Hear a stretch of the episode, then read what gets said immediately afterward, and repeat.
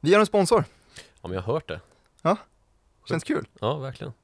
Så om man jobbar med styrelsearbete till exempel, då är det dags att spetsa öronen visar det sig. Ja, exakt. Vi, vi dagligdags bevakar ju ett allt mer komplicerat och snabbrörligt näringsliv och kan väl konstatera att företag är helt beroende av ansvarsfulla styrelser som idag behöver kunna ta välgrundade beslut i högre hastighet. Annars kan det gå som för Credit Suisse. Det kan det göra. Och då måste man ju ha ett effektivt verktyg för att kunna göra det. Och då är vi väldigt glada att kunna presentera vår partner Hippoli, som då erbjuder Sveriges mest moderna plattform för styrelsearbete. Det används av en mängd företag och investeringsverksamheter för att skapa en säker arbetsmiljö för sina beslutsfattare.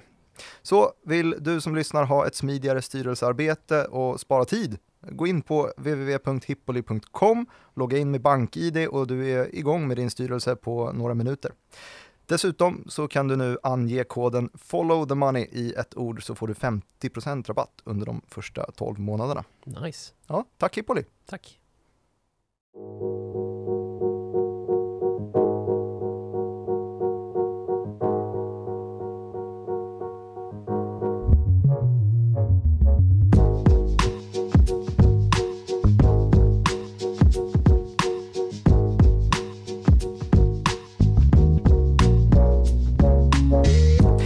I skuggan av den ekonomiska oro som rådde under slutet av 2022 och inledningen av 2023 som tycktes kulminera i en transatlantisk bankslakt tävlade tyckarna och tänkarna om att ringa i larmklockor och peka ut nästa spricka i det komplexa finanssystemet. Bortom den dumma mänsklighetens förstånd hävdades nämligen nästa finanskris ständigt vara på väg med en ny våg av olycka att marinera oss i när risktagandet till sist skulle spräcka finansmarknaden och vålla kaos. Och det var just till skuggan bakom bankerna, till de alternativa, oreglerade finansiella aktörerna och instituten som svaret oftast tycktes gömma sig när olyckskorparna fick visa vägen. Både i faktiska och filosofiska termer. Men trots att benämningen skuggbanker varslade om en ljusskygg verksamhet, som förvisso också var en oreglerad del av det finansiella systemet, så var verksamheten tillåten. Och när år 2023 tog sin början motsvarade tillgångarna i de här entiteterna en i princip lika stor del av finansmarknaden som de vanliga reglerade bankerna. Kunde det vara så att risken som vi trott försvunnit efter 15 år av hårda regleringar och krav på transparens mot bankerna bara flyttats någon annanstans men var fortsatt precis lika stor i systemet som helhet och i stort sett bara väntade på den utlösande faktorn för nästa kollaps. Samtidigt som marknaderna vilade i tron om att uppstädningen varit tillräcklig efter den globala finanskrisen. Det här det är Follow the Money, en podcast om makt, storfinans och börsen av och med Nyhetsbyrån Direkts utrikeschef Joakim Rönning och IGs marknadsanalytiker Martin Nilsson. Jag vill börja. Okej. Grattis på födelsedagen. Nej men. Hur, hur har du det? Eh, jo, bra här bland alla olyckskorpar som återinträtt i tillvaron. Eh, Dina, dina likar, mm, med andra ord. Det var taskigt sagt. Ja, det var det faktiskt. Jag tar Men eh, jag trodde att de hade flugit förbi olyckskorparna, men det hade de tydligen inte då. Nej. Eh, efter bankkatastrof och så vidare. Nej, och det ska vi komma in i. Ja. Vad, vad, Vad ska spricka härnäst är liksom temat för det här avsnittet och det är temat i finansmedia och analytikersammanhang på lite mer makroskopisk nivå överlag just nu tycker jag det Ja. känns som. så är det verkligen. Mm. Ö- Önskar du dig någonting eller räcker det att sitta här och spela in podd? Eh, det räcker gott, Vad bra. Men eh, Men, om du har något så kan jag ju ta, det är inte så att jag kommer tacka nej. jag kanske har någon present här så småningom då. Men det är ju en mustig fråga som alla vill ha svar på så här dags då. V- Vad ska spricka härnäst? Efter att det inte blev någon doom loop i bankerna som slutat med att finansiella systemet kollapsade. Mm. Och nu ligger väl den här bankoron, eh, vad ska man säga, bakom oss? Eller? Ja men lite grann, det är väl en annan typ av, av bankoro. Eh, för vi har ju fått ett par bankrapporter Mm. och de har varit mm, positiva. Och de säger hela tiden, eh, de här stora bankernas VDR, det är inte 2008. Nej, vi är reglerade nu, Vi vi, klarar av det här. Vi är så stabila. Det finns skyddsnät som inte fanns då, som gör att vi är typ oändligt starka. Vi kommer Mm. kunna klara allt. Och då tänker många andra då, hmm, det kanske är så att de är så reglerade och stabiliserade efter finanskrisen att det inte är intressant att titta på dem längre för att hitta den här utlösaren för nästa globala finanskris. Nej, men, men kan vi bege oss dit då? Till eh, det jag läste upp i introt här, skuggbank. Ja, precis. Man hänvisar ju då katastroftankarna vidare till nästa lager i det finansiella systemet som ju vilar i skuggan av bankerna då. Mm. Och då landar vi i skuggbankerna och måste då förklara vad det är för någonting. Ja, verkligen. Ja, och då kan vi ju säga att utöver bankerna i det finansiella systemet så har vi ju en massa andra aktörer som också ägnar sig åt sånt som banker ägnar sig åt. Alltså kreditförmedling, transaktionstjänster, investeringar och dylikt. Typ allt utom lönekonton, alltså där man deponerar sina pengar för att kunna betala räkningar och sånt. Mm. Finns ju i andra bolag. Och i sin bredaste form kallas de här bolagen då för akronymet NBFI. Har jag aldrig hört talas om. Nej, Non-Bank Financial Institutions. Det har jag hört talas om. Det har du hört talas om ja. Men vad, vad, är, vad är problemet med de här gubbarna då? Eh, att de är oreglerade och att vi därför har en rätt dålig uppfattning om hur det står till Mm. hos dem. Och när de blir en tillräckligt stor del av det hela så kan man ju se att det kan medföra problem om det går åt fanders liksom. Och vad vi nu frågar oss är om det räcker med alla de här åtgärderna då som gjorts för att få ordning på bankerna efter 2008-krisen. Man kanske borde vidga hela scopet och metoden för att fånga upp hela det finansiella systemet och inte bara de som, som sköter liksom slussen mellan myndigheterna och marknaden, alltså centralbankerna och marknaden i penningutgivning och därigenom indirekt kontrolleras av myndighetstillstånd och statens goda minne liksom. Mm. Men det blir intressant här att se hur eh, styrkeförhållandet ser ut. Alltså hur stor del är eh, så kallade eh, non-bank financial institutions och hur stor del är reglerad del? Ja, det ska du snart få reda på. Ja. Det är nämligen 50-50 nu för tiden. Nämen. Ja, så det har gått upp för skuggbankernas räkning runt finanskrisen där. Alltså det har alltid funnits den här typen av bolag som eh, då ägnar sig åt som sagt kreditutgivning. Ma- microlending har ju blivit en stor grej senaste decenniet till exempel. Det kan räknas hit. Mm. Och om vi ska titta på den lite större sidan av vad eh, för bolag det rör sig om så är det ju private equity, alltså riskkapitalbolag, Mm. venture capital. Vi kommer in på det där lite mer detaljerat. Först vill jag definiera då att den stora skillnaden mellan banker och skuggbanker då ytterligare en gång är att bankerna då slarvigt uttryckt är institutioner som vilar under insättningsgarantin. Det är viktigt att få med sig. Mm. Och Det finns en krockkudde Ja, en rejäl krockkudde då, alltså att om du deponerar dina pengar där så får du tillbaka dem vid ett fallissemang för institutionen. Alltså om banken kraschar så, så är dina pengar försäkrade. Mm. Och det gäller inte hos skuggbanker då. Där kan man ha tillgångar som kan kollapsa med skuggbanken liksom. Med institutet där du har lagt dina pengar eller investerat. Mm. För här finns det då inga regler om hur mycket extra kapitalbuffertar måste finnas för att skydda insättarna. Det görs inga stresstester och så här. Mm. Så här är det lite mer eh, dimma kan man säga. Mm. Namnet skuggbanker låter ju jätteolagligt rakt igenom, men du nämnde att det var riskkapitalbolag. Vad, vilka mer? Ja, eh, eller Private Equity-bolag, PE-bolag som det också förkortas eh, Mm. från engelskans Private Equity. Alltså, Det är ju inte vi ju- olagligt alls. Va? Det är ju inte olagligt nej, alls. det är det ju inte. Eh, även om många anser att det är lite shady. Sådär. Men här finns ju också då hedgefonder och fonder i största allmänhet och som sagt mikroutlåningstjänster för konsumentkrediter och även sådana som jobbar med kreditgivning till bolag och så vidare. Mm. Det är liksom andra verksamheter än banker som utför tjänster med andras pengar men där det inte krävs ett banktillstånd. Och sen är det så att en betydande del av den här marknaden som den här branschen agerar på är tillgångar som inte är lika transparenta heller sett till prissättning som börshandlade aktier och räntor är. Mhm. Det är också viktigt att påpeka att det handlar då främst om den privata marknaden vad vi brukar kalla alternativa tillgångar i kontrast till då räntor och aktier som handlas på börsen.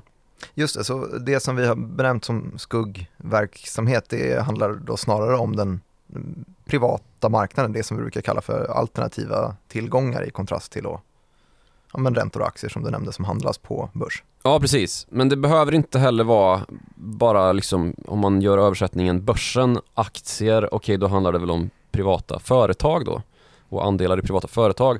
Men det behöver det inte heller vara då. Även om det är där mest som private equity-bolag, alltså riskkapitalbolag rör sig.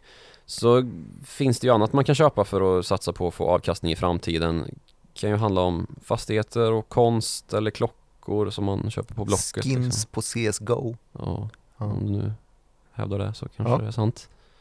Eh, Men att man hoppas på värdeuppgång i en marknad helt enkelt.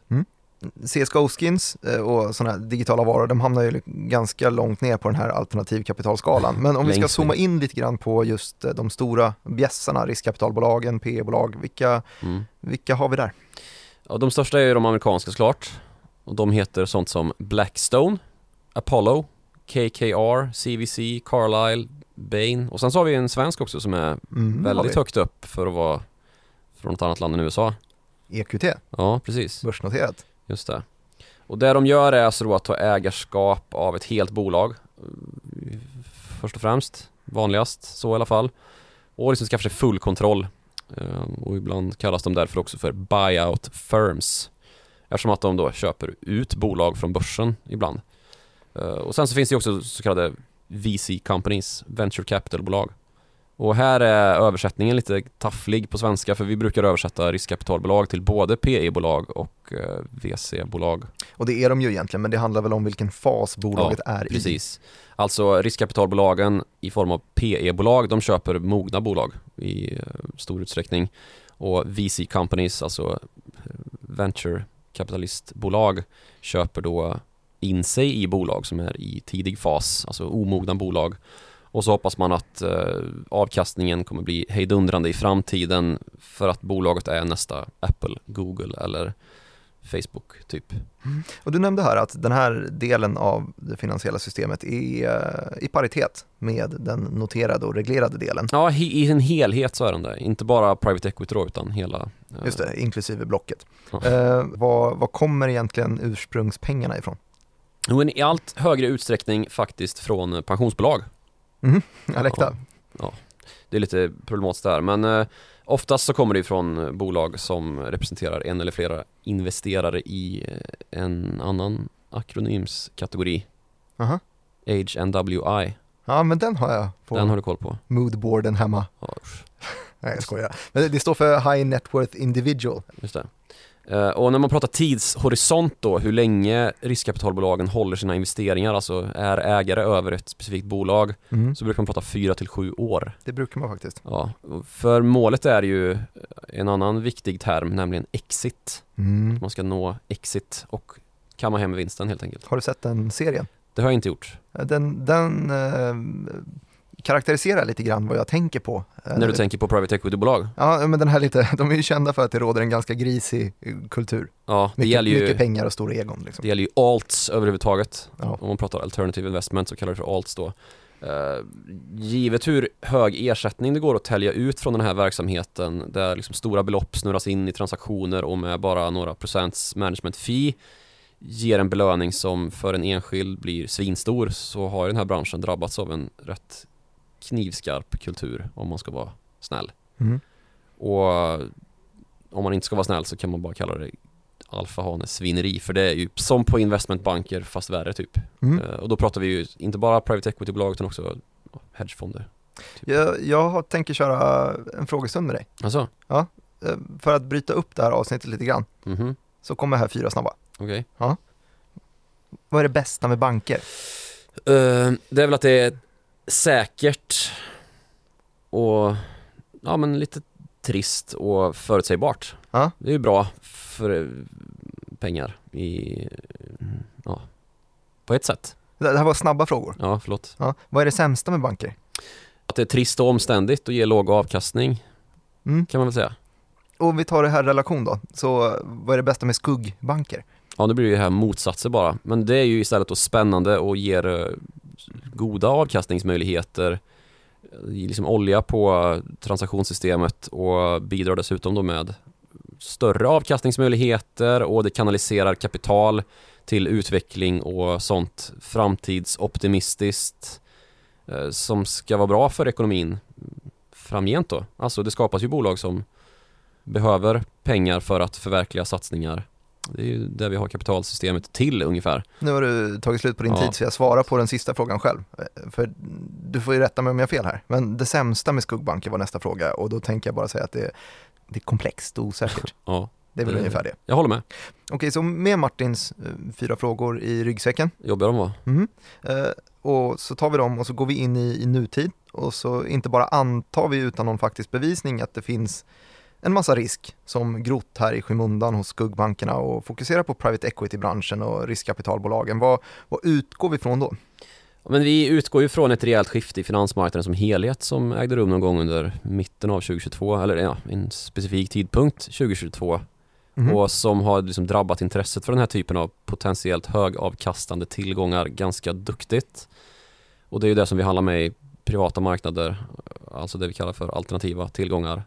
Så ja, då har vi ju en, lite att stå på kanske. Vad skulle du säga att den här händelsen var som Specifik att, händelse under Ja, men som 2022. gjorde att värderingar plötsligt var något helt annat än vad Du de tänker- var dessförinnan. Räntehöjning eller? Ja, det är ju precis det man pratar om då. För att eh, det är ju mitten av 2022 som sagt Federal Reserve eh, höjer styrräntan 75 punkter och det var väl egentligen startskottet på den här åtstramningskampanjen i världens centralbanker när inflationen blev på riktigt och det här It's Transitory-gänget fick ställa sig i skamvrån och på med dumstruten. På med dumstruten, det är exakt vad som hände. Vad, vad var det här It's Transitory om du skulle definiera det? Ja, men det är väl någonting som har eh, börjat från centralbankshåll efter pandemin Ja. ungefär. Ja, Eh, under pandemin så fick vi ju en ska man säga, utbudschock på världsmarknaderna och priserna på en jäkla massa tillgångar förändrades väldigt drastiskt. Det, till exempel så var det ju efter pandemin som oljan plötsligt handlades till minus och sen så efter det så handlades den till väldigt mycket plus, mm. över 100. Och det var en massa leverantörskedjestrul som det pratades väldigt mycket om. Flaskhalsar Svårt, ja, i precis, systemet. svårt att få ut produkter på butikshyllor och sådär. Och det här förändrade ju då priserna och för att mana till stabilitet i ekonomin så sa centralbankscheferna att det här är transitory, alltså övergående. Det här är tillfälliga problem och snart kommer vi återgå till normalen.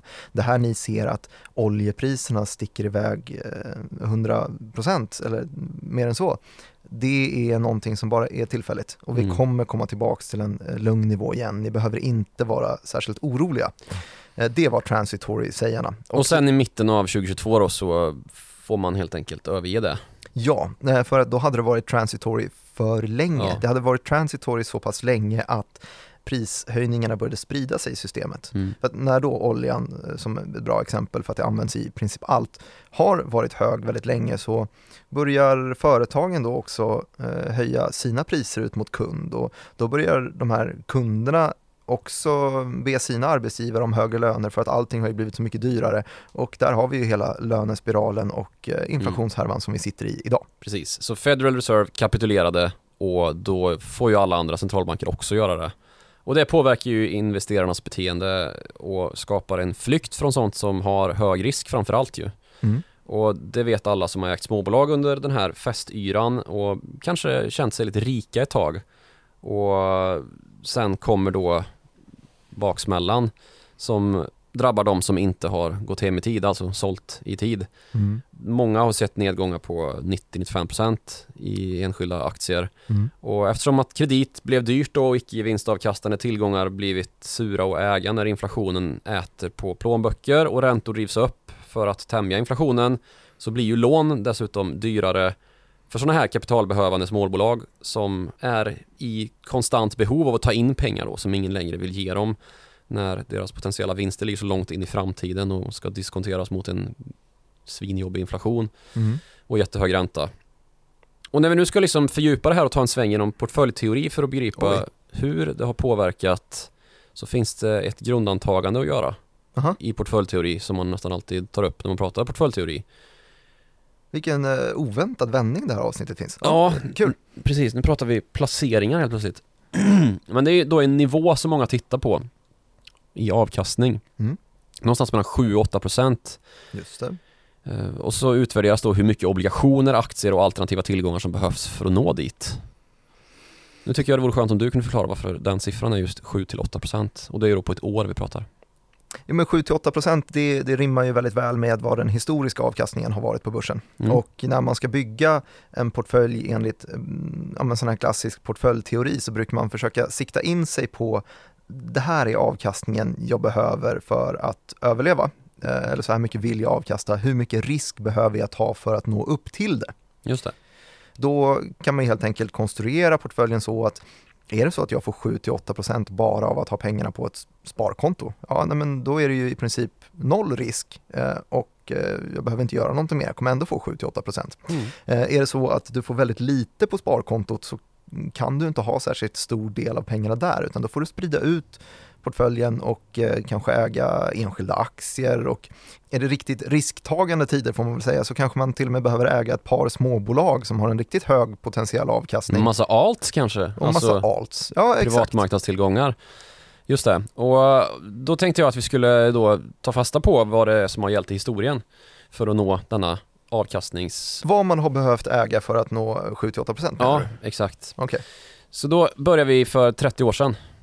I mitten på 90-talet. där är räntorna höga, det Ja, vet jag. precis. Styrräntan ligger på 9% 1995 Mm. i Sverige. Behövs i princip endast 100% obligationer då. Okej, Smidigt. I mitten på 00-talet så behövs i princip 50% obligationer, 40% aktier och 10% alternativa tillgångar.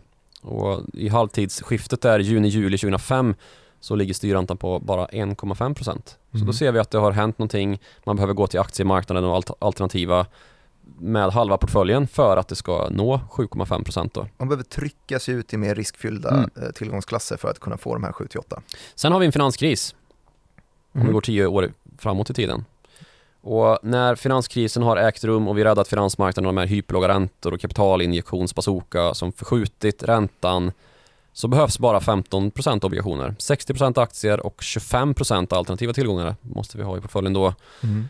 Och det är ju för att räntan ligger på minus nästan hela andra halvan av det här årtiondet. Just det, man behöver ta riktigt mycket risk. Man behöver ta riktigt mycket risk ja. Och om vi tittar nu då. Ja, hur ser det ut? Ja, eh, efter en trend som varit jättetydlig att vi behövt vikta ner säkra tillgångar i portföljen, alltså räntor och allokera till förmån då för mer riskfyllda tillgångar som aktier och alternativa tillgångar så har vi kapitulation. Hmm. För idag om vi ska få 7,5% i avkastning så behövs 85% obligationer och 15% av aktier och alternativa tillgångar. Just det, för räntorna på, på obligationer är hyfsat höga. Man Ja. kan eh, få 7, 8, 9 procent på företagsobligationer idag. Ja, precis. Så om vi ska förklara den här förskjutningen lite ytterligare så att vi alltså ser att när räntorna krympte avkastningarna till minimala nivåer för säkra tillgångar här längst in på riskskalan, sånt som amerikanska statspapper, det med lägst risk som, som handlas på enormt likvida marknader, så ökade alltså intresset för det som ligger längst ut på riskskalan för att få avkastning. Det har Just alltså skett det. en förskjutning här. Det är precis så det ligger till. Och den delen av riskskalan utgörs ju av istället då illikvida och riskfyllda tillgångar som via trista storbolagsaktier, tech och tillväxtbolagsaktier landar i privata företag där riskkapitalbolagen härjar loss och försöker göra exit i slutändan. Och här finns också fastigheter och bostäder som går att parkera pengar i och det finns fysisk konst, det finns viner och sist av allt kanske memapor i NFT-format och CSGO-skins som jag inte ens vet vad det är faktiskt. Det, är, CSGO är ju... Skit i det nu. Jaha. Ja, här är det många i alla fall som fått känna på vad vi brukar kalla likviditetsrisk på senare tid. Hmm. Alltså det går inte att sälja tillgångar för att marknaden inte är likvid. Den saknar omsättning. Det finns inga köpare. Just det. ingen som vill, vill köpa ditt CSGO-skin. Nu vill du prata CSGO-skin. Ja, jag- Jag blev sårad när du gjorde sådär. förlåt styrkekram för att jag smädade dig för dina CSGO-skins. Eh, CSGO-skins, det är, har faktiskt fått en, en renässans. Eh. CSGO är ju dataspel då, Eh, så att det är ju samma typ av eh, kategori som eh, mem-apor i NFT-format, bara att de inte har den här digitala valideringen på samma sätt. Det kan bara användas inom spelet. Det gör din karaktär lite vackrare att titta på. De har fått en rejäl renässans efter att det här spelet har släppt en ny version. Det har varit efterlängtad. Det är ett spel som har spelats sedan 90-talet. Det är. Counter-Strike vi pratar om. Det stämmer. Okej. Och ehm, där har då eh, tillgångarna på de här visuella attributen på dina vapen då till exempel har skjutit i höjden. Så att vi har sett då att de har mm, uppemot två miljoner för enskilda sådana här skatter som då kanske eh, sönerna och döttrarna till High Net Worth Individuals lägger sina veckopengar på. Okej. Här har vi alltså en liten outlier i alternativsmarknaden då i alla fall. För det gäller ju inte på marknaden i stort när det kommer till alternatives just nu. Nej, eh, det stämmer. Men det, det, faller precis in i det du pratar om, att det är extremt illikvitt eftersom att det är bara, det är en väldigt specifik målgrupp som kan köpa och nyttja det här och det är kanske ett annat spel som gäller om fem år och då är det totalt värdelöst. Mm. Eh, så läget är helt enkelt för osäkert och det är svårt att få till transaktioner av olika skäl om vi bortser från CSGO-skinsen då.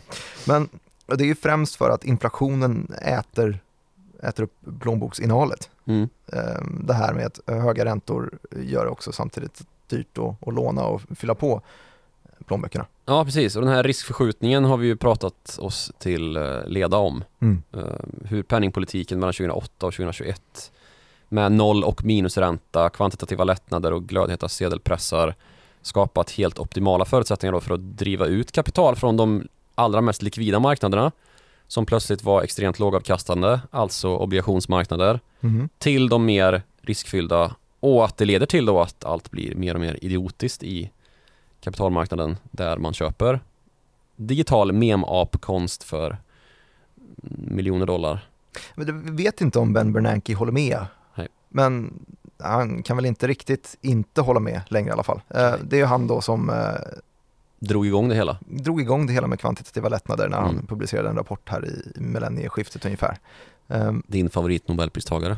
Ja, så kan det faktiskt vara. Mm. Det är intressant. Det man gör lite grann är just då att man vill få till den här flytten från säkra tillgångar till riskfyllda tillgångar. Mm. Så tänker man att det stimulerar ekonomin eh, och att det är en positiv sak. Men nu kanske vi då får känna på baksmällan av det hela. Mm.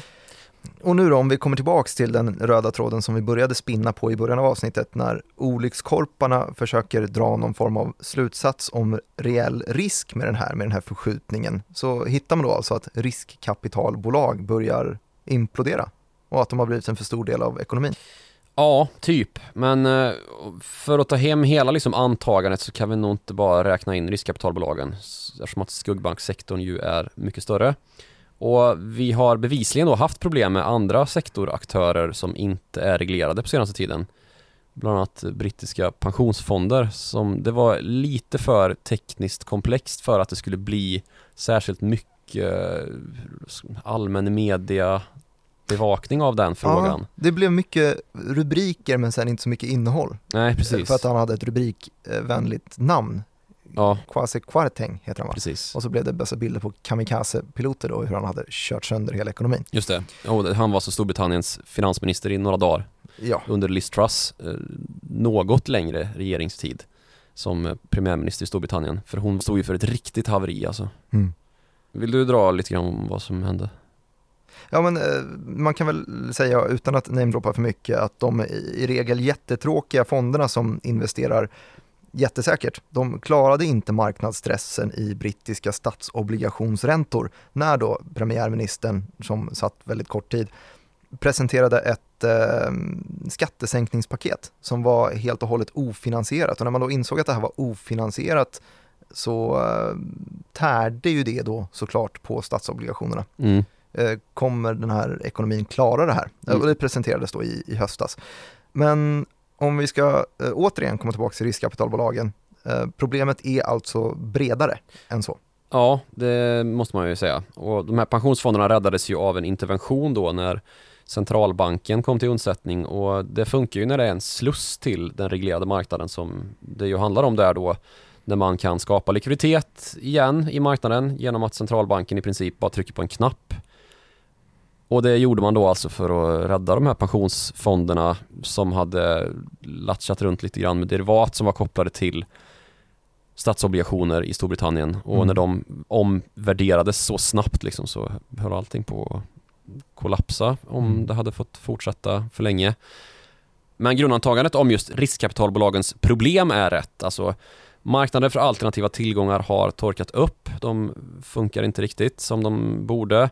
Och till slut så kommer det gå på arslet och då finns det inget skydd för de som har investerat sina pengar i riskkapitalbolagen och så kan det tendera att bli en spiraleffekt då.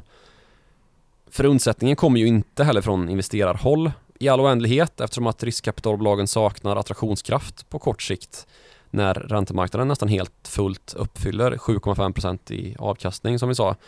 Alltså den avkastning som de flesta fonder ju egentligen vill ha årligen. Mm.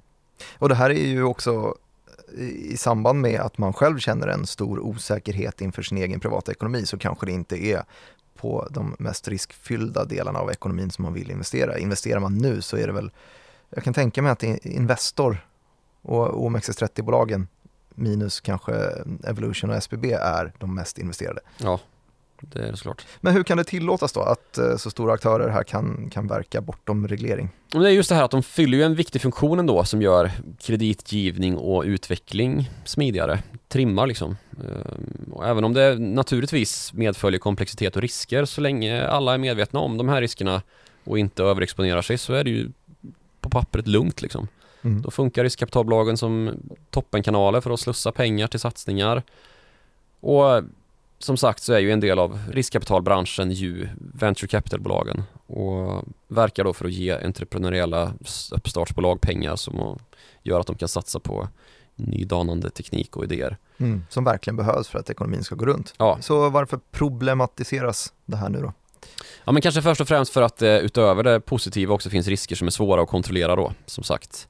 Inte minst i form av att banker exponeras mot riskkapitalbolag så att liksom den här funktionen av att reglera banker späds ut. Alltså reglerade banker, om vi ska vara elaka och göra en simpel förklaring, så vill ju de gärna att finanssystemet är komplext. Det räcker ju med att gå in på en bank så, så känns det komplext. Så känns det komplext. Jaha. Alltså särskilt om man inte har någon som helst ekonomiutbildning så är det ju ganska lätt att bli bortkollrad. Och det är liksom, kan man säga, gynnsamt för när det blir mer komplext så krävs alltid en högre grad av intermediär, alltså mellanhand då för att genomföra transaktioner. Och då blir bankerna alltid mer eller mindre involverade då. För mellanhänderna utgörs ju av tjänster som oftast utförs av bankerna då. Och då kan ju bankerna ta ut en avgift också. Just det. Eh, utlösaren till globala finanskrisen var ju inte så lite hemmahörande i, i skuggbanker när den väl hittades. Precis, så det, där har ju kopplingen varit glasklar egentligen. Att då banker i många fall har använt sig av skuggbanker för att redan innan regelverk tajtades till för att kringgå regler och tillsyn. Mm, utveckla. det finns en branschterm som kallas för regelarbitrage som jag tycker är ganska bra för att förklara det här och det går ut på att skuggbanker kan användas av banker för att man ska slippa undan regler som strävar efter att man inte ska ta för hög risk med kundernas pengar då. Alltså de pengar som du och jag har satt in på konton. Och det är då ett sätt att komma undan regler genom att bryta upp den traditionella kreditförmedlingsprocessen, alltså när man delar ut lån då. Mm. Att man genom kontakter med skuggbanker kan separera så att entiteter slussar kapital mellan varandra bortanför den officiella balansräkningen. Alltså på renare svenska, den delen av utlåningsverksamheten som kan avkasta väldigt mycket pengar men som är alldeles för riskabel eller ljusskygg, den sköts via utlåning till en mellanhand då i form av en oreglerad riskkapitalaktör till exempel som därefter köper in sig i eller lånar ut pengar till den här riskabla eller ljusskygga verksamheten som banken har fått ögonen på men som man inte kan motivera utlåningen till då. Alltså banken kanske tror på den här verksamheten men det går inte ändå att låna ut pengar för att det hade varit Shady. Shady, alldeles för hög risk och inte motiverat på kalkyl liksom. Mm. Det går ändå att göra då. Och här kanske vi kan hitta grunden till varför det kallas skuggbanker just. För här kan ju då reglerade banker anpassa sina verksamheter så att regleringen ser ut att efterlevas i en sund verksamhet men det samtidigt finns en mer riskabel komponent där bakom då i skuggan som inte direkt redovisas.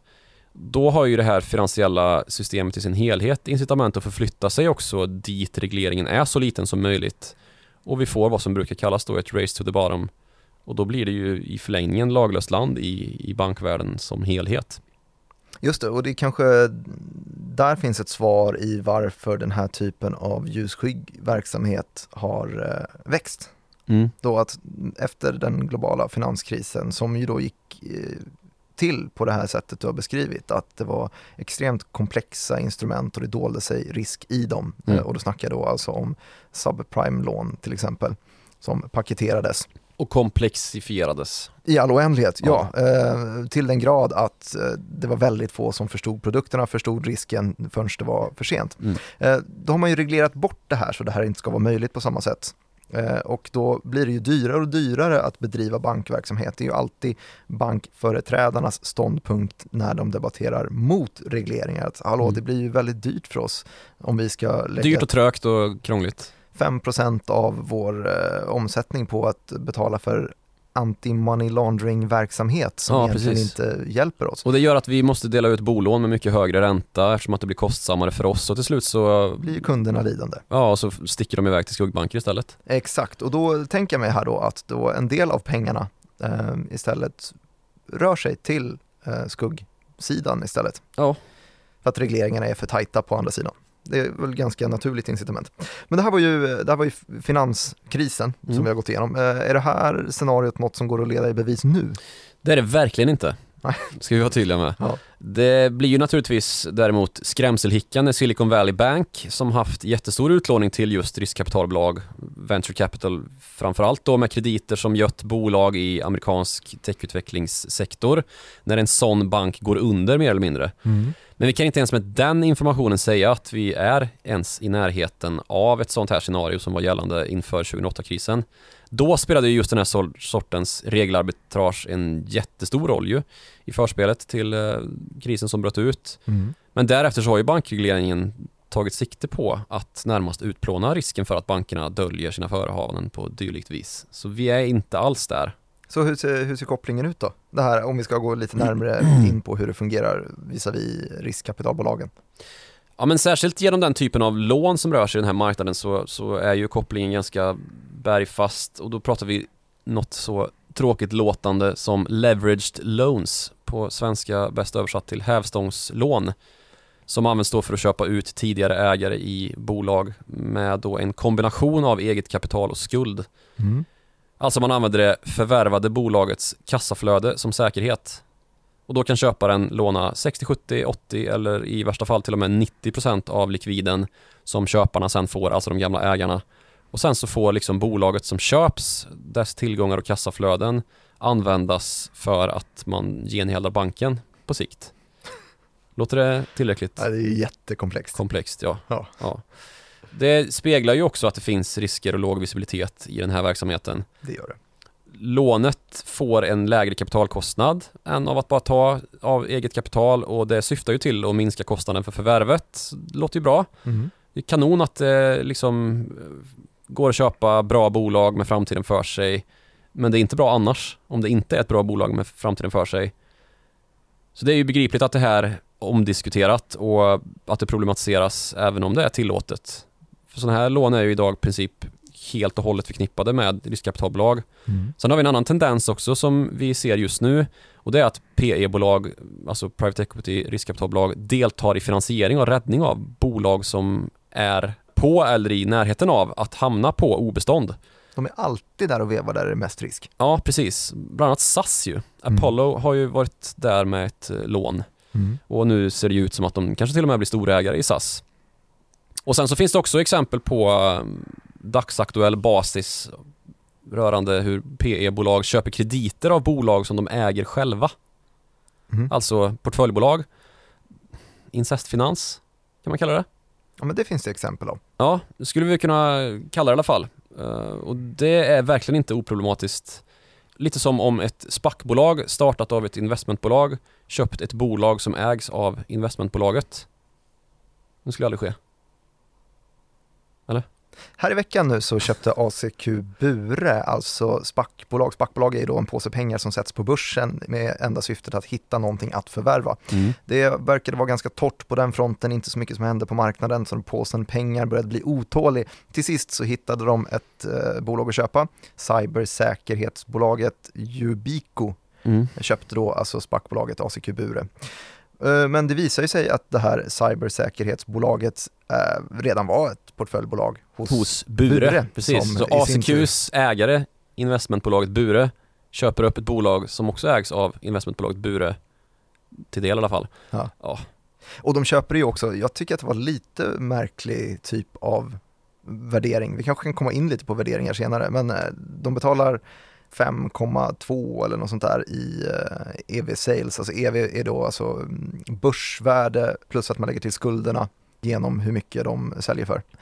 Och behöver inte gå in djupare på det än att säga att det är den typen av värdering som man såg toppen 2021. Mm. Och det här är då ett eh, cybersäkerhetsbolag, låter ju som att man kan betala dyrt för det är i tiden. Men det är väldigt mycket ett hårdvarubolag, Yubico. Alltså de säljer ju då USB-stickor med rätt eh, säkerhet på. Det, det, är hårdvara. Man skulle kunna betala en rejält för ett bolag som växer och som växer på digital grund, alltså klassiska SaaS-bolag med någon form av mjukvarulösning som går att sprida ut över världen. Men mm. när det krävs en fabrik i grunden också så är det svårare att motivera att man betalar eh, så här mycket, mm. tycker jag i alla fall. Så lite luktade det desperat tyckte jag, att de äntligen ville bara hitta något att köpa. Ja, jag ångrar lite att jag sa incestfinans men Men det är ju det är lite vad det är. Ja. Men det här är en sak som, jag, som vi kommer fram till nu. Um, jag har haft det på tungan ett tag nu när vi ändå har pratat om uh, utplåning av risk och försöka komma fram till risken med riskkapitalmarknaderna där ju riskkapitalbolagen härjar. Det är ju att centralbankerna under hela den här perioden som alltså spänt från 2008, de har pratat likviditet. Mm, alltså börsmarknaderna där det handlas obligationer och aktier, de ska vara maximalt likvida hela tiden. Mm, just det. Likviditet ses som någonting som gynnas av transparens och som dessutom också ger mer transparens och det är ju modeordet ja, i precis. finans idag. Så när priser kan ställas i marknaden så är det lättare att veta vad saker och ting är värda och det finns mindre risk att risk beräknas fel. Och att för många då gör hutlösa satsningar i fel riktning och vi får ett så kallat Minsky moment. Förklara Minsky moment. Ja men det är ju när finansmarknaden liksom vänder i slutskedet av en kreditcykel där bankerna enligt ekonomen bakom teorin då, Hyman Minsky, hävdade att bankerna alltid avslutade den här kreditcykeln med att ge just hutlösa krediter som bidrar med den sista pusten i bubbelupplåsningen liksom. Mm. Och det Hyman Minsky varnar för då är att uppgångarna i värdering i kapitalmarknaden till sist baseras på en kedjebrevsprincip egentligen. Som då går ut på att sälja vidare tillgångar till högre och högre priser och därmed få också högre och högre vinst när man säljer. Och det här leder ju till att fler och fler vill hänga med i uppgångståget och det blir allt mer hypnotiska värderingar. Här någonstans eh, har vi ju varit. Mm. Det är ju vad som har kommit att kallas för FOMO ju. Fear, fear, of missing out. Fear of missing out, ja. Och när värderingarna på finansmarknaden då till syvende och sist vänder och den här kreditgivningshåsen med lånade pengar tar slut så har ju marknaden bara en riktning att gå och det är ju käpprätt ner. Och då blir det kärvt för de som har belånat sig, särskilt de som kommit in sist i hypen. Alltså alltid småspararna som brinner som facklor och gråter i Placera Forum. Mm. Men själva rörelsen då eldas ju på av att de som köpt tillgångar till höga priser med lånade pengar ska betala klart högre räntor på lånet plötsligt. Och mm. till slut då när tillgångsvärdet faller för mycket så måste de ju till slut sälja av sina innehav för att inte nå fallissemang och bli utmätta och konkurssatta. Margin callade. Precis, margin call kallas det för på finansmarknadens uh, reglerade del i alla fall, börsen och räntemarknaden. Och då är vi fast i doomloopen då där sälj föder nya sälj Fler och fler närmar sig konkursens rand och måste realisera förlusten och det leder i nästa steg till att finansmarknadens värdering går ner ännu mer vilket leder till ännu fler som måste realisera förluster för att de eh, riskerar att bli utmätta annars och så vidare liksom. Mm.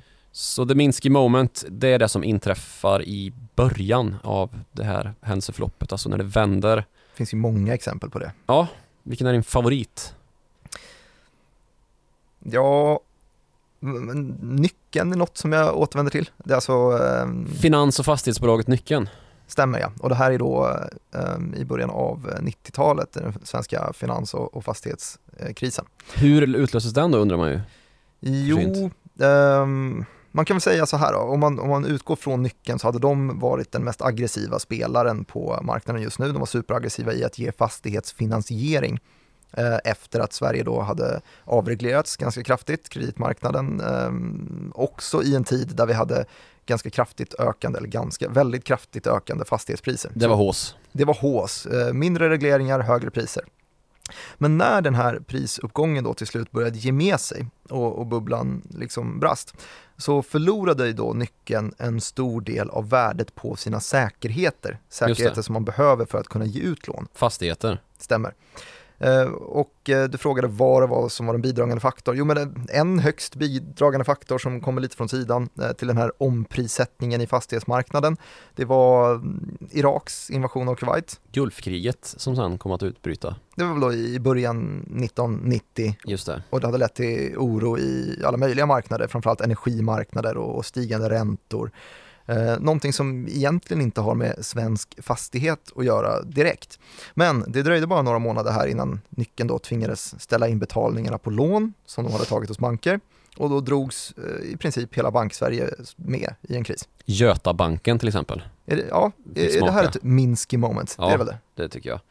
Så pratas det ju ganska mycket om eh, ett förestående Minsky moment också då här i eh, modern aktuell tid. När Silicon Valley började ryka. Precis, då såg ju alla doomsayers, ha, Det här är första banken som här faller. kommer det. Mm.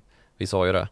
Och så började ju bank efter bank att skaka och sen så blev det en transatlantisk händelse. Credit, Credit Suisse. Suisse fick köpas upp av UBS. Och, ja, men det har ju inte stämt hittills i alla fall. eh, Att det var ett Minsky moment när vi pratar om börsen i alla fall. Och, Nej, allting har ju inte vänt där. Börserna står ju högre idag än när Ja. Credit Suisse köptes ut. Precis. Men eh, tillbaka till det här med, med hög likviditet i finansmarknaderna då. Just det, hög, högre likviditet. Det är alltså någonting som vi idag ser som högst önskvärt för bankerna och framförallt för att de ska hålla ner arbetsbelastningen då på deras redan svällande och kostsamma regelefterlevnadsavdelningar som ju har fått insättas efter 2008-krisen och kraftigt ökade regelkrav på bankerna. Och då att likviditeten i marknaden är hög är liksom ett, en del av regleringsmekanismen för att bankerna ska kunna fungera och ha en smidig kreditgivning. Alltså gynnas de av att centralbanken rider ut och trycker på knappen och öser ut pengar i, i marknader så Mm. att det går att köpa och sälja.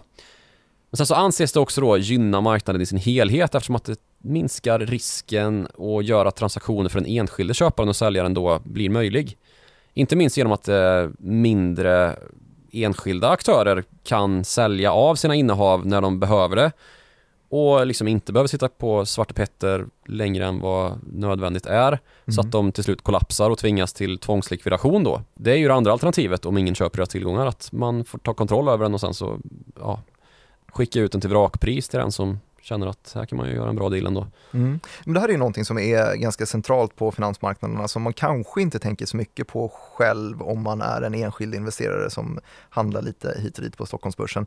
Men det är verkligen en stor skillnad i likviditet Mm. eh, och det är en av de största anledningarna till att små eh, bolag som har varit listade på mindre listor, säg NGM eller Spotlight eller First North, att de vill ta steget upp mot Stockholmsbörsen istället. Just så att de motiverar det med att det tillåter andra aktörer att också köpa aktier Ja, i precis. sagda bolag. Vissa fonder handlar ju inte alls på, på vissa marknader liksom. Eh, Det är för lågt bolagsvärde i den där, vi intresserar oss inte liksom. Nej, exakt. Det kan vara så att de älskar företagsmodellen på det lilla bolaget och de tror verkligen att det kommer gå hur bra som helst, men Mm. vi kan inte investera i det. För att trycker vi in bara 10 miljoner i ett bolag som är värt 100 miljoner, då kommer inte vi ut ur den positionen sen när vi behöver det. Och Maximalt de har riskfyllt blir det då. riskmodeller som säger vi ska kunna likvidera eh, positionen inom x dagar Ja. och då kan vi inte göra det om de är för små. Eh, Så att likviditet är en hygienfaktor för att man ens ska kunna ta i vissa bolag. Mm. Nu har vi pratat börs här. Mm. Hur ser det ut om vi börjar prata alternativa marknader då? Privata och oreglerade marknader. Är det samma sak där?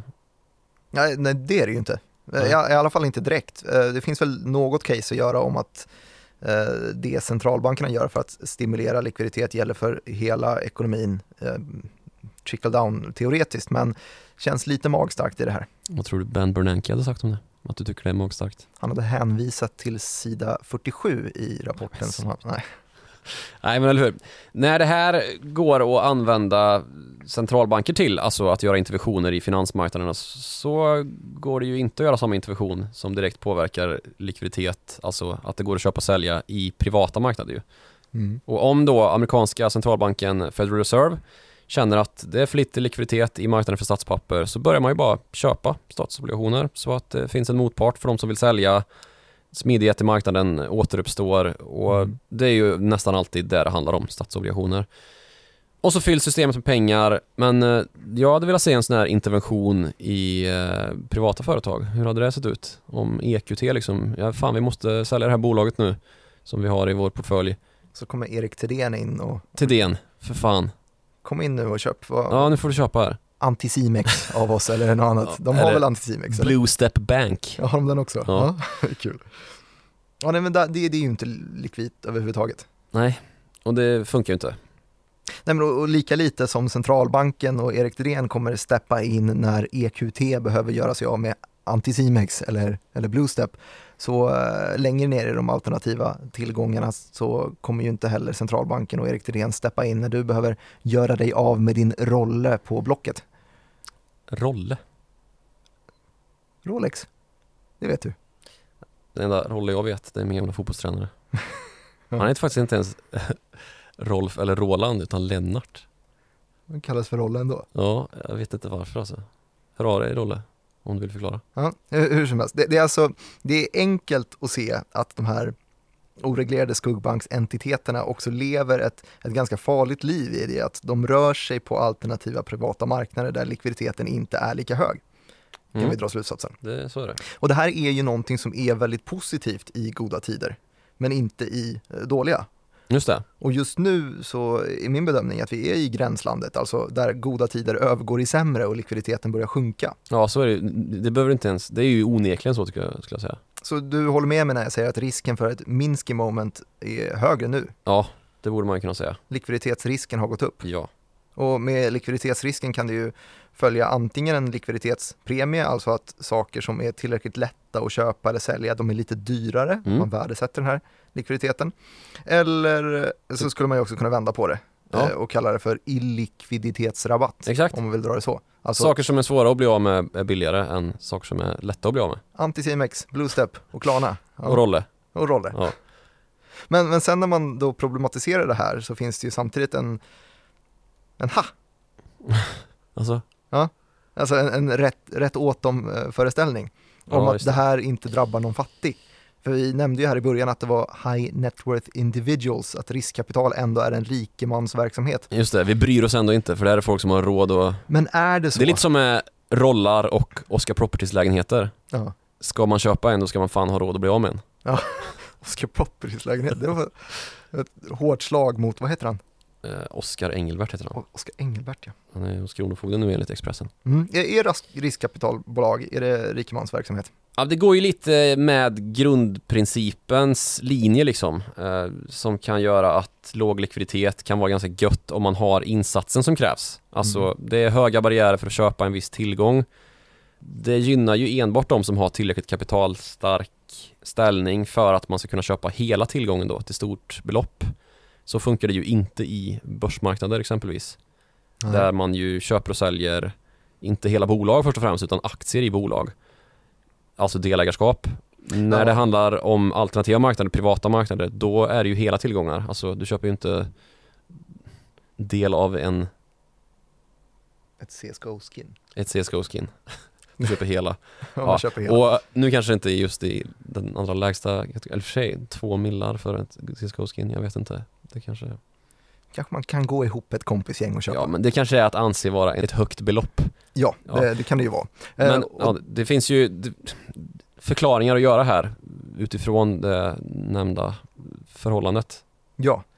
Eh, aktier som du nämnde, att man kan köpa enskilda och där finns ju också någon form av hygienfaktor i att man vill se till att de här delarna också är eh, rimligt prissatta. Ja, Bolagen när aktien blir för dyr gör ju split just för att man ska kunna eh, öka likviditeten ja i handla aktien. mer. Se till Fler ska att kunna man, köpa och sälja. Ja, och i USA någonting som vi saknar lite grann i Sverige är ju också eh, fractional, Mm, fractional ja. Att man, fractional trading. Alltså precis, att man, man, kan köpa en del av en aktie. Ja. Ihop med andra. Tesla är ett sånt utmärkt exempel där priset rusade när man annonserade en split för ett Ja. par år sedan. Ehm, och det förändrar inte bolaget på något sätt utan man delar bara upp pajen i fler delar så att det ska bli lite mer lättillgängligt. Men nu börjar det ju faktiskt bli halvdyrt igen i alla fall. Mm. Alltså tänk dig att du har en 4000 spänn att spendera på, på börsen. Det är vad du sparar liksom. Exakt. Eh, en aktie i Tesla kostar väl kring 160-170 dollar. Mm. Alltså, du kan ju inte spendera alla dina 4000 spänn på kronan i alla fall, utan du får spendera, du får köpa två aktier och sen så får du vänta till nästa månad och köpa lite mer. Just. Eh, och hade det varit så att Tesla hade varit uppdelat i flera aktier så att varje aktie kostade 10 dollar, då hade det varit mycket lättare att investera just det beloppet du vill ha Mm. och ännu mer ökad likviditet. Det här är ju lättare att exemplifiera med andra tillgångar ju. Alltså, det är tänkbart att ett jättestort hus som också hade gått att göra om till ett flerfamiljshus likväl som ett enfamiljshus skulle kunna säljas dyrare om det satts ut på en marknad som ett flerfamiljshus där fler köpare då antingen går samman och bildar en bostadsrättsförening eller ja, men att det blir en mer öppen marknad genom det att hyresfastighetsbolag kan lägga bud på den här fastigheten till skillnad då från att eh, bara svinrika kan köpa ett jättestort hus. Eh, Det kanske inte det. finns lika många av. Kvadratmeterpriset på, eh, kvadratmeterpriset på ettor är eh, lite, lite högre än kvadratmeterpriset på femmor. Ja. Om det inte är så att det finns massa andra faktorer som gör att femman är mer åtråvärd. Ja just det, det finns alltså helt enkelt en större marknad för ettor än vad det finns för femmor. Men det, det har ju helt enkelt med, lite med likviditet att göra. Alltså om det är lätt att sälja en tillgång så medföljer en lägre risk för köparen som ju i värsta fall kan sälja tillgången vidare. Och i, i alternativa marknader så är det inte riktigt så eftersom att bristande likviditet riskerar leda till att ägare sitter med tillgångar som har ett, ett imaginärt värde, Mm. Skin eller NFT-apor, men som då inte går att sälja till vad det uppskattas vara värt. Och här kan vi då prata om en likviditetspremie helt enkelt, eller en illikviditetsrabatt. För om en ägare hamnar på obestånd eller går i konkurs och börjar utmäta så måste ju tillgångarna säljas. De måste säljas av och de måste göra det då till, till underpris, alltså Mm. exekutiv auktion. Och då blir ägaren då ultimat förlorare i en marknadsekonomi på Ja, grund av precis. den här illikviditeten. Och för att moderera den här risken i den här kategorin så rör sig en del bolag för att hjälpa till med investeringar i allt det andra man kan investera i. Och riskkapitalbolagen då bland annat. Men även hedgefonder som också bistår först och främst rikisar med att hantera pengar. Och de som agerar här har en aura av att gilla att föra sig med komplexitet. Det räcker ju med att ta upp en finanstidning och kunna notera det eller ännu värre en Finanspodd. det är ju det vi är här för att inte vara. Nej, Men vet. alltså analyser av eh, bolag i enskilda sektorer som man inte är van vid. Tar man upp en sån från noll kunskapsnivå då blir det skittråkigt att läsa för det fattar man ingenting. Nej, det är så tätt med förkortningar. Ja, det är så helt mycket obegripligt. förkortningar och marknadslingo att eh, man spyr ju på det. Mm. Och vi hoppar ännu ett steg då från börsen till eh, den alternativa marknaden, privatmarknaden där de här äkta alfa-människorna hänger. Då kan man ju fatta att det är ännu mer komplext här. Det är det de livnar sig på, Mm. att eh, vara mediären som eh, nystar upp det komplexa. Just det. Eller i alla fall gör transaktionen på rätt sätt, Mm. håller det i handen. Och en av grunderna till att det är så är ju då som sagt att det saknas prisinformation kring vad saker som de handlar med är värda i mycket större utsträckning än vad det gör när det kommer till börsen. Kan vi vara överens om det? Det kan vi nog vara överens om. Och Mm. jag skulle vilja dra en liknelse också, vi pratar om bostadsmarknaden här. Eh, Och det här är ju en marknad som har varit ganska likvid ganska länge och den är fortfarande hyfsat likvid men omsättningen har fått sig en törn i, Mm. i samband med den, eh, den bostads, eh, vad ska man säga, prisnedgång vi har haft nu under en, en period under det här räntehöjande klimatet så har ju eh, bostadsrätter och villor i, sjunkit ganska skarpt. Mm. En sån grej är ju att det läggs ut ganska mycket bostäder fortfarande men det är väldigt få som går till avslut och så dras de tillbaka från marknaden och blir liksom inte en datapunkt då eftersom att det inte blir ett avslut. Och Nej, det var hade det blivit det, alltså om någon hade blivit utmätt på fastigheten, då hade vi fått en mer ja, rättvisande marknadsuppdatering ju om hur läget egentligen ser ut. Ja, det är exakt dit jag vill komma med det hela också. Just att det inte sker lika många avslut så därför kan man inte lita lika Nej. mycket på statistiken som kommer. Det var SBAB som eh, noterade det här i en rapport tidigare den här veckan eh, och sa just att omsättningen är nu nästan halverad Mm. på ett och ett halvt år. Då blir det korrupt. Ja, och tänk då på Det kanske fortfarande prissätts ganska rimligt i eh, Stockholm där det säljs ganska mycket och man kan snegla på fastigheten som såldes i grannkommunen. Men eh, letar det lite längre ut i landet eh, eller bara på fritidshusmarknaden eh, en bit ut på Hur långt ut ska du gå nu egentligen? Från ditt Täby-centrerade fokus. Ja, men ska, vi, ska vi ta oss hela vägen till Nynäshamn? Eller? Det kan vi göra. Ja.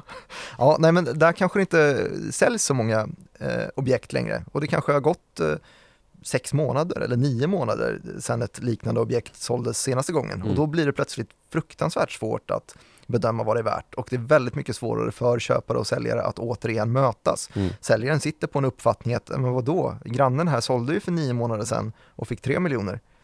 Då ska väl jag som har eh, 14 kvadratmeter till åtminstone få tre miljoner. Ja, dessutom, det är ju nio månader sedan och det är skitlänge sedan. Ja, exakt. Stocks only go up, fast i bostadsmarknaden också. Ja. Ja. Och sen så kommer köparen som har eh, läst att eh, det är mycket billigare nu Ja. och förväntar sig att ja, men den här läggs väl ut för 2,1. Mismatch. En riktig mismatch. Och då kan mismatchen vara så pass stor att man inte ens dyker upp på visningarna längre. Mm. Eh, det var ju det som skedde i inledningen av det här boprisfallet, att folk inte ens dök upp. Mm. Ehm, och sen så började man dyka upp för att ge skambud. Mm. Och då såg man att priserna inte ökade överhuvudtaget längre. Tänkte att det här är ju som en exekutiv auktion nu. Ja. Folk behöver ju gå från hus och hem för att ha råd med grönsaker. Ju. Men du ville prata om, om någonting annat? Ja, jag vill att du frågar mig hur det ser ut på privat och alternativmarknaderna i helhet och inte bara snör in på bostadsmarknaden här nu. Ja, hur ser det ut i helhet då, om vi inte snör in på bara bostadsmarknaden? Det beror på. Ja, okej. V- På vad? Ja, om vi tar fasta på de transaktioner som gjorts i privatmarknaden eller hur de värderas i redovisningen. Jag förstår vad du menar. Jag, jag gissar på här att eh, riskkapitalbolagens tillgångar nu handlas med lägre priser än deras bokförda värde. Hur kunde du veta det? Jo, eh, men jag tänker, ehm, känner du till det här? Det är klart du gör. Mar- Ja. eh, Mark, Mark to market versus mark to model som vi ska prata om nu.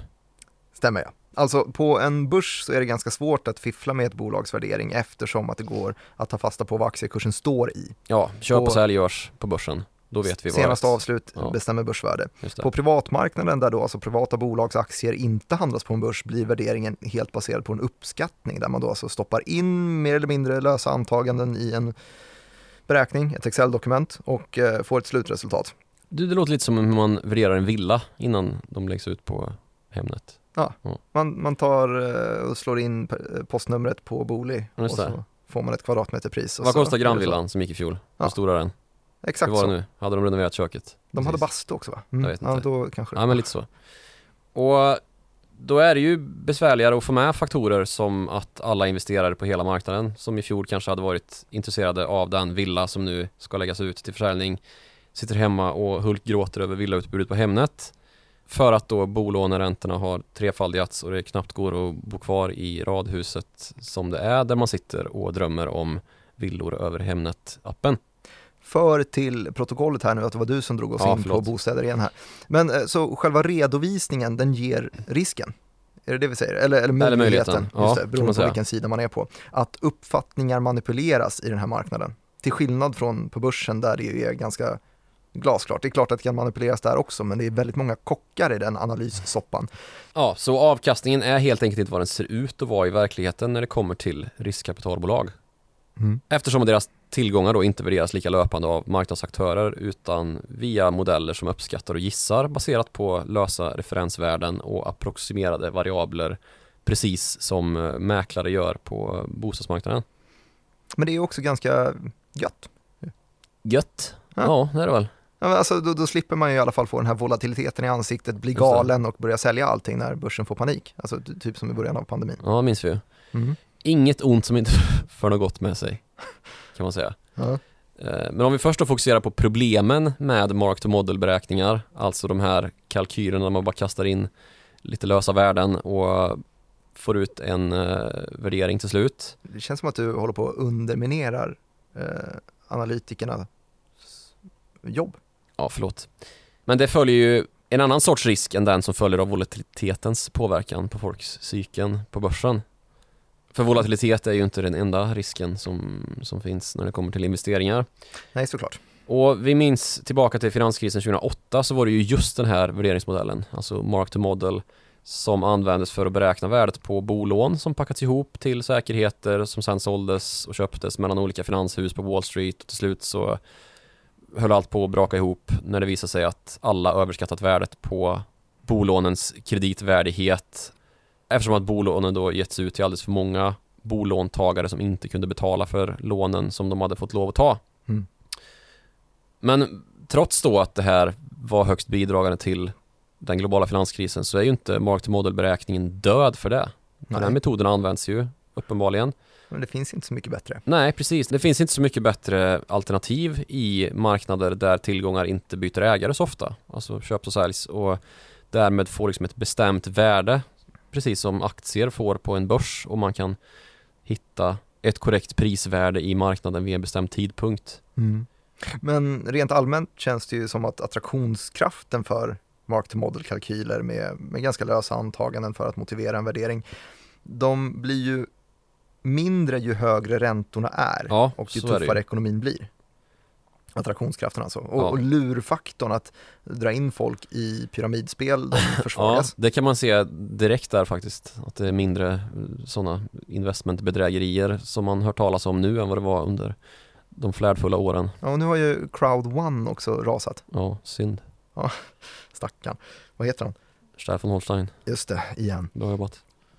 Ja, men det är helt enkelt att folk har inte råd att gå in i hypade dumheter. Och då blir det en förflyttning tillbaka i den här riskskalan som vi har pratat om. Mm. Eh, som gör att portföljallokeringen blir säkra och trista investeringar och inte så spexiga saker. Just det. Och när attraktionskraften för mark to model-kalkyler minskar så minskar ju då attraktionskraften kanske för riskkapitalbolag. Nej! Va? Nej, det behöver det inte göra. Vi har ju gått om exempel som kan få bildsätta den här berättelsen om raset i riskkapitalbolagsbranschen och hur mark to model-värderingar straffats då ju. Bästa exemplet är ju också svenskt. Tänk att vi är så stora inom det här. Mm. Vet du vilka jag tänker på? Jag tänker såklart på Klarna. Ja, precis. Som värderas till 6,7 miljarder dollar i senaste kapitalanskaffningsrundan i oktober 2022. Mm. Man skickade ut lite nya aktier, nytryckta, till nya ägare och gamla som var redo att stå med pengapåse som totalt sett var värd 800 miljoner dollar för att man skulle finansiera den här verksamheten framåt. 6,7 miljarder dollar var alltså värderingen. I juni ett år tidigare så var värderingen 46 miljarder dollar. Så den här köp nu, betala sen verksamheten blev lite mer köp nu, betala 85% mindre sen om du vill. Och är lite förutseende. Det är ju ett jäkla hopp. Ja. Faktiskt. Först kostade de som Twitter och nu kostar de som Twitter. Ja. Borde kosta. Ja. Ehm, men eh, Det är ingen kris i PE-branschen för det. eh, nej, var, Är det konstigt eller? Ja, jag undrar lite varför vi sitter här idag. Ja, men eh, det vet du faktiskt också varför du gör. För jag har ju bett dig att läsa Bains PE-rapport för 2022. Mm, jag spelar Bain alltså förvånad. eh, en sektoraktör som har skrivit en rapport som är välläst varje år. Ja, Som jag satt i händerna på dig. eh, sanningen här i Bain-rapporten som är ganska intressant att läsa, det är att de kör på ganska bra. Alltså aktiviteten har gått ner, eh, det har den verkligen gjort i antalet Mm. avslut och storleken på affärer. Men herre vad, vad mycket torrt krut de har. Mm, det har de. De, eh, har ju tagit in så jävla mycket pengar här under feståren som har varit 15 till antalet och det bara har växt och växt och växt och det har blivit tråkigare och tråkigare att investera i säkra tillgångar så att man liksom har gått längre och längre ut på riskskalan och tillgångsansamlingarna hos den förmögna delen av investeringskretsen har blivit fetare och fetare mm. och de har haft mer med kapital att lämpa av på just riskkapitalbolag. och det kommer från inledningen av den här rapporten som de kallar för the dreaded U-word. Vet du vad the dreaded U-word är för ord? Som skakar om hela den här PE-branschen. Varför inga affärer görs. Jag ser att du tänker. Det vet jag ju. Det är, det är så enkelt som uncertainty. Ja, eh, Det är så de rubriksatte den här rapporten, eller i alla fall ett stycke av den och eh, förklarade just att det är det som håller på att sänka antalet avslut och varför de just nu sitter på rekordmycket torrt krut att använda eh, för att köpa upp bolag för.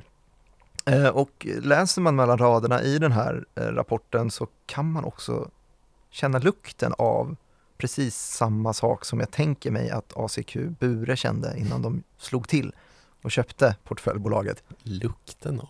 Lukten av desperation. Det är desperation. De vill ju använda pengar. Det är ju jättedyrt att sitta med Ja, kassa medan inflationen ja är nästan tvåsiffrig och det bara liksom eroderas hela kapitalet. De vill ju sätta det i, i arbete. Och det är därför man köper sina egna bolags skulder. Till Ja. exempel. Men om vi ska summera den här rapporten så, ja, det verkar ju inte vara någon kris än i alla fall. Att det är någonting som är på väg att falla. Även om det finns en stress för den osäkerhet som råder och att det ska komma mer osäkerhet och den osäkerheten behöver inte vara nödvändigtvis penningpolitik heller skriver man ju utan det är nog mer så att det är försvårande omvärldsfaktorer, alltså makrofaktorer såsom Ukraina-kriget, en ny sån händelse som kan få brädet att välta över i eh, något mer krisartat. Så olyckan för mark to model-beräkningar är uppenbarligen inte gjord än. När man har liksom så här fått sig en krigskassa som ju de har då uppenbarligen. Mm. En, vad var det, en tredjedel av allt äskat kapital ligger kvar liksom och är oallokerat i nuläget. Och därmed så kan det ju dröja en stund innan det bränner till på allvar. Mm. Och då pratar vi alltså PE-bolagen i sig som tar in pengar i form av investeringar från High net worth individuals. Precis, inte om Klarna som ju redan åkt på sin smäll liksom att ja, det blev jävligt körigt och dela ut kreditlån till den allra svagaste kreditvärdighetskretsen i form av mycket unga konsumenter ju som lever ur hand i mun eh, från paycheck to paycheck Mm. när inflationen kom farande. Ehm, Så det finns ju en skillnad mellan investerarna och bolagen som står i behov av kapital att satsa med. Men ändå, eh, om vi återgår till riskkapitalbolagsperspektivet. Mm. Varför överprissätta tillgångar med lösa mark to model-värderingar överhuvudtaget? Det låter ju helt sjukt att folk i den här branschen vill betala mer än saker är värda trots då alla likviditets och likviditetspremier och rabatter. Du sitter liksom och studsar Ja, på ett sätt i stolen som att det här är en retorisk fråga du är väldigt sugen på att svara på själv egentligen. Ja, det stämmer. För det finns ju nämligen fördelar och finesser då med att äga tillgångar som inte handlas på en likvid marknad. Det kan ju till och med vara så att det är en fördel att betala för mycket och vara med i en finansieringsrunda där en tillgång blir överprissatt. Utveckla. Lika sjukt som det låter. Så tänker jag komma in på psykologi nu. Aha. Våra sköra jävla psyken som ständigt ställer till det för oss. Alla vi som väl inte är psykopater på PE-bolag och hedgefonder. Mm, nu, nu tappar du fart. Men så här, när det saknas volatilitetsinformation så lever vi liksom i en helt annan verklighet än den som finns på börsen nu. För när priser sätts och varierar över tid så får vi ju det här som kallas för volatilitet. Mm. Och den är ju högre när priser ändras mycket och snabbt. Och därför är volatiliteten på börsen, där priser sätts hela tiden, mycket mer märkbar ju än på privatmarknaderna, där priser sätts långsamt och det liksom saknas korrekt data om prissvängningar. Mm. Och det negativa med volatilitet, som man ju av vår utläggning hittills att döma kan undra om det ens finns någon eftersom att vi ju konstaterat att det är ju så jävla bra med information. Det är ju att det påverkar mänsklig psykologi. Just det, att teknisk analys fungerar. Precis, en masspsykos som inte korrelerar med verkliga faktorer i marknaden, den uppstår ju jämt. Det är ju jättevanligt. Mm. Och det kan ju leda till att tillgångar handlas upp i en hype och mani eller rasar i panik och depression helt i onödan egentligen. Om man ska vara, eh, ska man säga, realekonomiskt lagd vill jag se en maximal nytta på längre sikt då som ju inte inkluderar hype och mani och depression och panik, krasch. Mm. Och, och samma volatilitet finns ju på privatmarknaden också, men Ja. den blir liksom inte lika dramatisk. Precis, sanningen är ju den att volatiliteten är minst lika stor i privatmarknaderna eh, gällande alternativa tillgångar som den är på börsen. Men modellerna gör ju att det går att manipulera och att de som matar riskkapitalbolagen med pengar köper deras låga likviditet. Det gör att man kan hävda att eh, värden som inte finns, finns. Och så bokför man dem som något de inte är. Det låter ju oerhört shady, eller? Skugg, det här är skuggverksamheten. Skuggverksamhet, eller hur? Ja. Men det här behöver ju inte bara bashas sönder och samman. För det handlar inte så lite om mänsklig psykologi och kan samtidigt som det ses som en bubbla också ses som en lite värderingsvårdande finess i marknaden. Som Värdet kan vara finns i betraktarens ögon. Ja, grann. precis. Så att icke-volatilitet av att saker inte går att sälja. Ja, precis. För liksom när saker inte går att sälja så säljs de ju inte. Och det gör att hastiga värderingsfall som vi kan se i likvida marknader, alltså börskrascher, inte sker på samma sätt. Och då slipper vi hamna i ett scenario där investerare drabbas av panik från en initial lite lättare oro, typ som den vi såg i februari när Silicon Valley Bank drabbades av uttagsstormning. Med alternativa tillgångar kan man inte ens alltid sälja när det är kris ju. Och det kan vara bra på längre sikt. Låter ju sjukt att säga kanske. Mm. Men så här kan man ju argumentera för att motivera då att det ska följa en premie på att köpa och sälja tillgångar som är illikvida, så som riskkapitalbolagen gör. Helt enkelt då genom att tillgångar som inte lätt låter sig säljas över en öppen och likvid marknad som börsen gör oss till långsiktigt bättre investerare. Så nu har du vänt hela det här avsnittet till ett, eh, ett fyrfaldigt leve. Inte bara Del- för mig själv. Dels för dig ja, men också för mark to model-värderingar. Just det. För vad medför då det här? Om inte att vi kan ta på oss mer risk när det kommer till illikvida alternativa tillgångar och relativt börsen och räntemarknaderna överprestera och nå en högre avkastning på längre sikt. Vilken vändning. Ja, eller hur?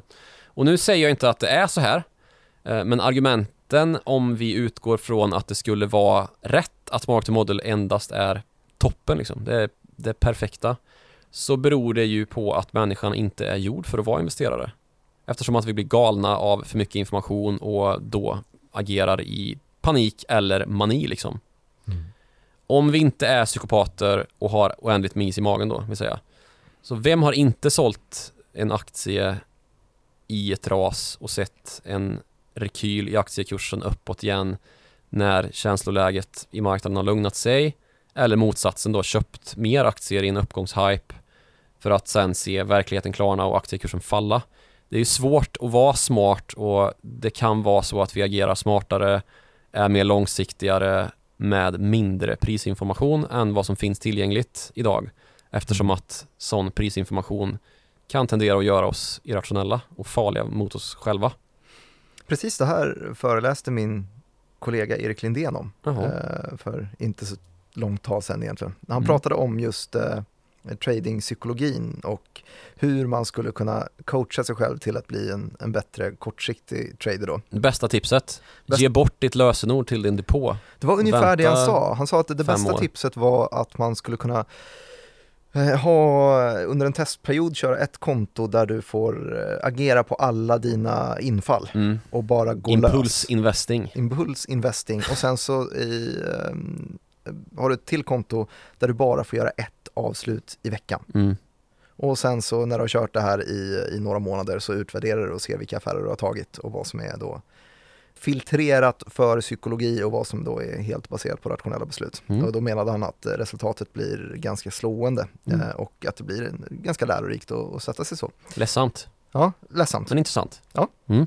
Oavsett vilket av konstaterandena nu då som är rätt, alltså att mark to model är jättesmart och vi blir bättre investerare av lite information, eller att det ju bara är en manipulation som gynnar riskkapitalbolagens ägare som tar ut avgifter för att de skickar in sina pengar åt dem att investera med, så visar det ju att vi är ganska dumma och dåliga på att investera, vilket ju Erik Lindén tydligt förklarade. Mm. Det är lätt att vi överinvesterar. Ja, i grund och botten kanske det är lika dumt att tro att vi får bättre investerande om vi inte vet realtidsvärdet på tillgångar som att spädbarn tror att världen försvinner när man blundar. Det finns ju en motsättning i det här också ju. Mm. Om vi nu tänker oss att det här avsnittet som känns som att det har blivit lite längre än vanligt Mm. ehm, har börjat med en röd tråd så är vi just nu eh, på en annan tråd, en psykologisk tråd. Om Mm. vi återgår till, till skuggbankproblematiken, kan du dra en koppling? Ja, men vi frågar oss då, var är risken? Alltså anledningen till att vi just nu efter 15 år av hårda tag och bankregleringar och ökad transparens i banksystemet så att inga otillbörligheter ska kunna växa fram så är ju frågan då, var har risken tagit vägen? Är den helt borta? Har vi tömt systemet liksom? För en inte så osannolik tanke är ju att risken fortfarande finns kvar men inte i bankerna då utan att istället vilar hos kunder såsom PE-bolag. Något som mest av allt reflekterades av just den här bankkrisen vi gick igenom under våren 2023 när eh, Silicon Valley då träffades av bankkrisen genom Silicon Valley Bank. Mm. Alltså riskkapitalbolagsutlånaren i regionen bröt ihop. Men det är ju bara ett exempel. Vi hade ju den så kallade Gilts-krisen, de brittiska fonderna, eh, landets pensionsfonder. Ja. En annan kategori som vi kan inkludera i skuggbankskategorin som höll på att gå under. Och det krävdes intervention från Bank of England efter eh, haveriet med den här icke-finansierade skattesänkningen som fick pund krascha och brittiska statsobligationer som används för ändå ganska säkra hävstångsinvesteringar hos pensionsfonderna. Lika osannolikt som det låter att det finns en sån att rusa och vi fick margin calls som ingen hade räknat med. Och det här ledde ju i förlängningen till att eh, Truss-regeringen föll ju. Mm. Det är bräckligare än vad vi tror. Ja, det finns alltså en del som talar för ett skräckscenario där de här regleringarna som ställer krav på bankerna om att upprätthålla sin finansiella hälsa egentligen inte har gjort att systemet tömts på risk utan att risken bara flyttat ut från bankerna men till följd av att det saknas så mycket information i den här ledden Eftersom att det inte är en reglerad marknad så vet vi inte var någonstans risken finns egentligen. Mm. Så om vi ska summera avsnittet så kan vi säga att det helt enkelt finns en risk att risken har flyttat ut från bankerna och in i skuggorna. In i skuggorna. Ja, det där, den där tråden fick du ihop väl här på födelsedagen.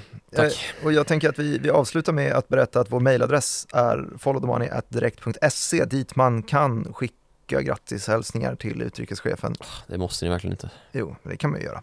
Eh, men någonting som man måste däremot eh, och faktiskt kan vinna lite på är att eh, skriva upp sig på mitt morgonbrev på ig.se morgonrapport. Så fyller man i sin mailadress där så får man ett mail från mig varje Med information eller? Ja, lite mer information behövs. Mm. Så kanske jag följer upp just det här temat vi har pratat om. Mm. När det rasslar till i nyhetsflödet. Tack så mycket för att ni har eh, orkat lyssna på oss även idag. Så hörs vi igen om en vecka.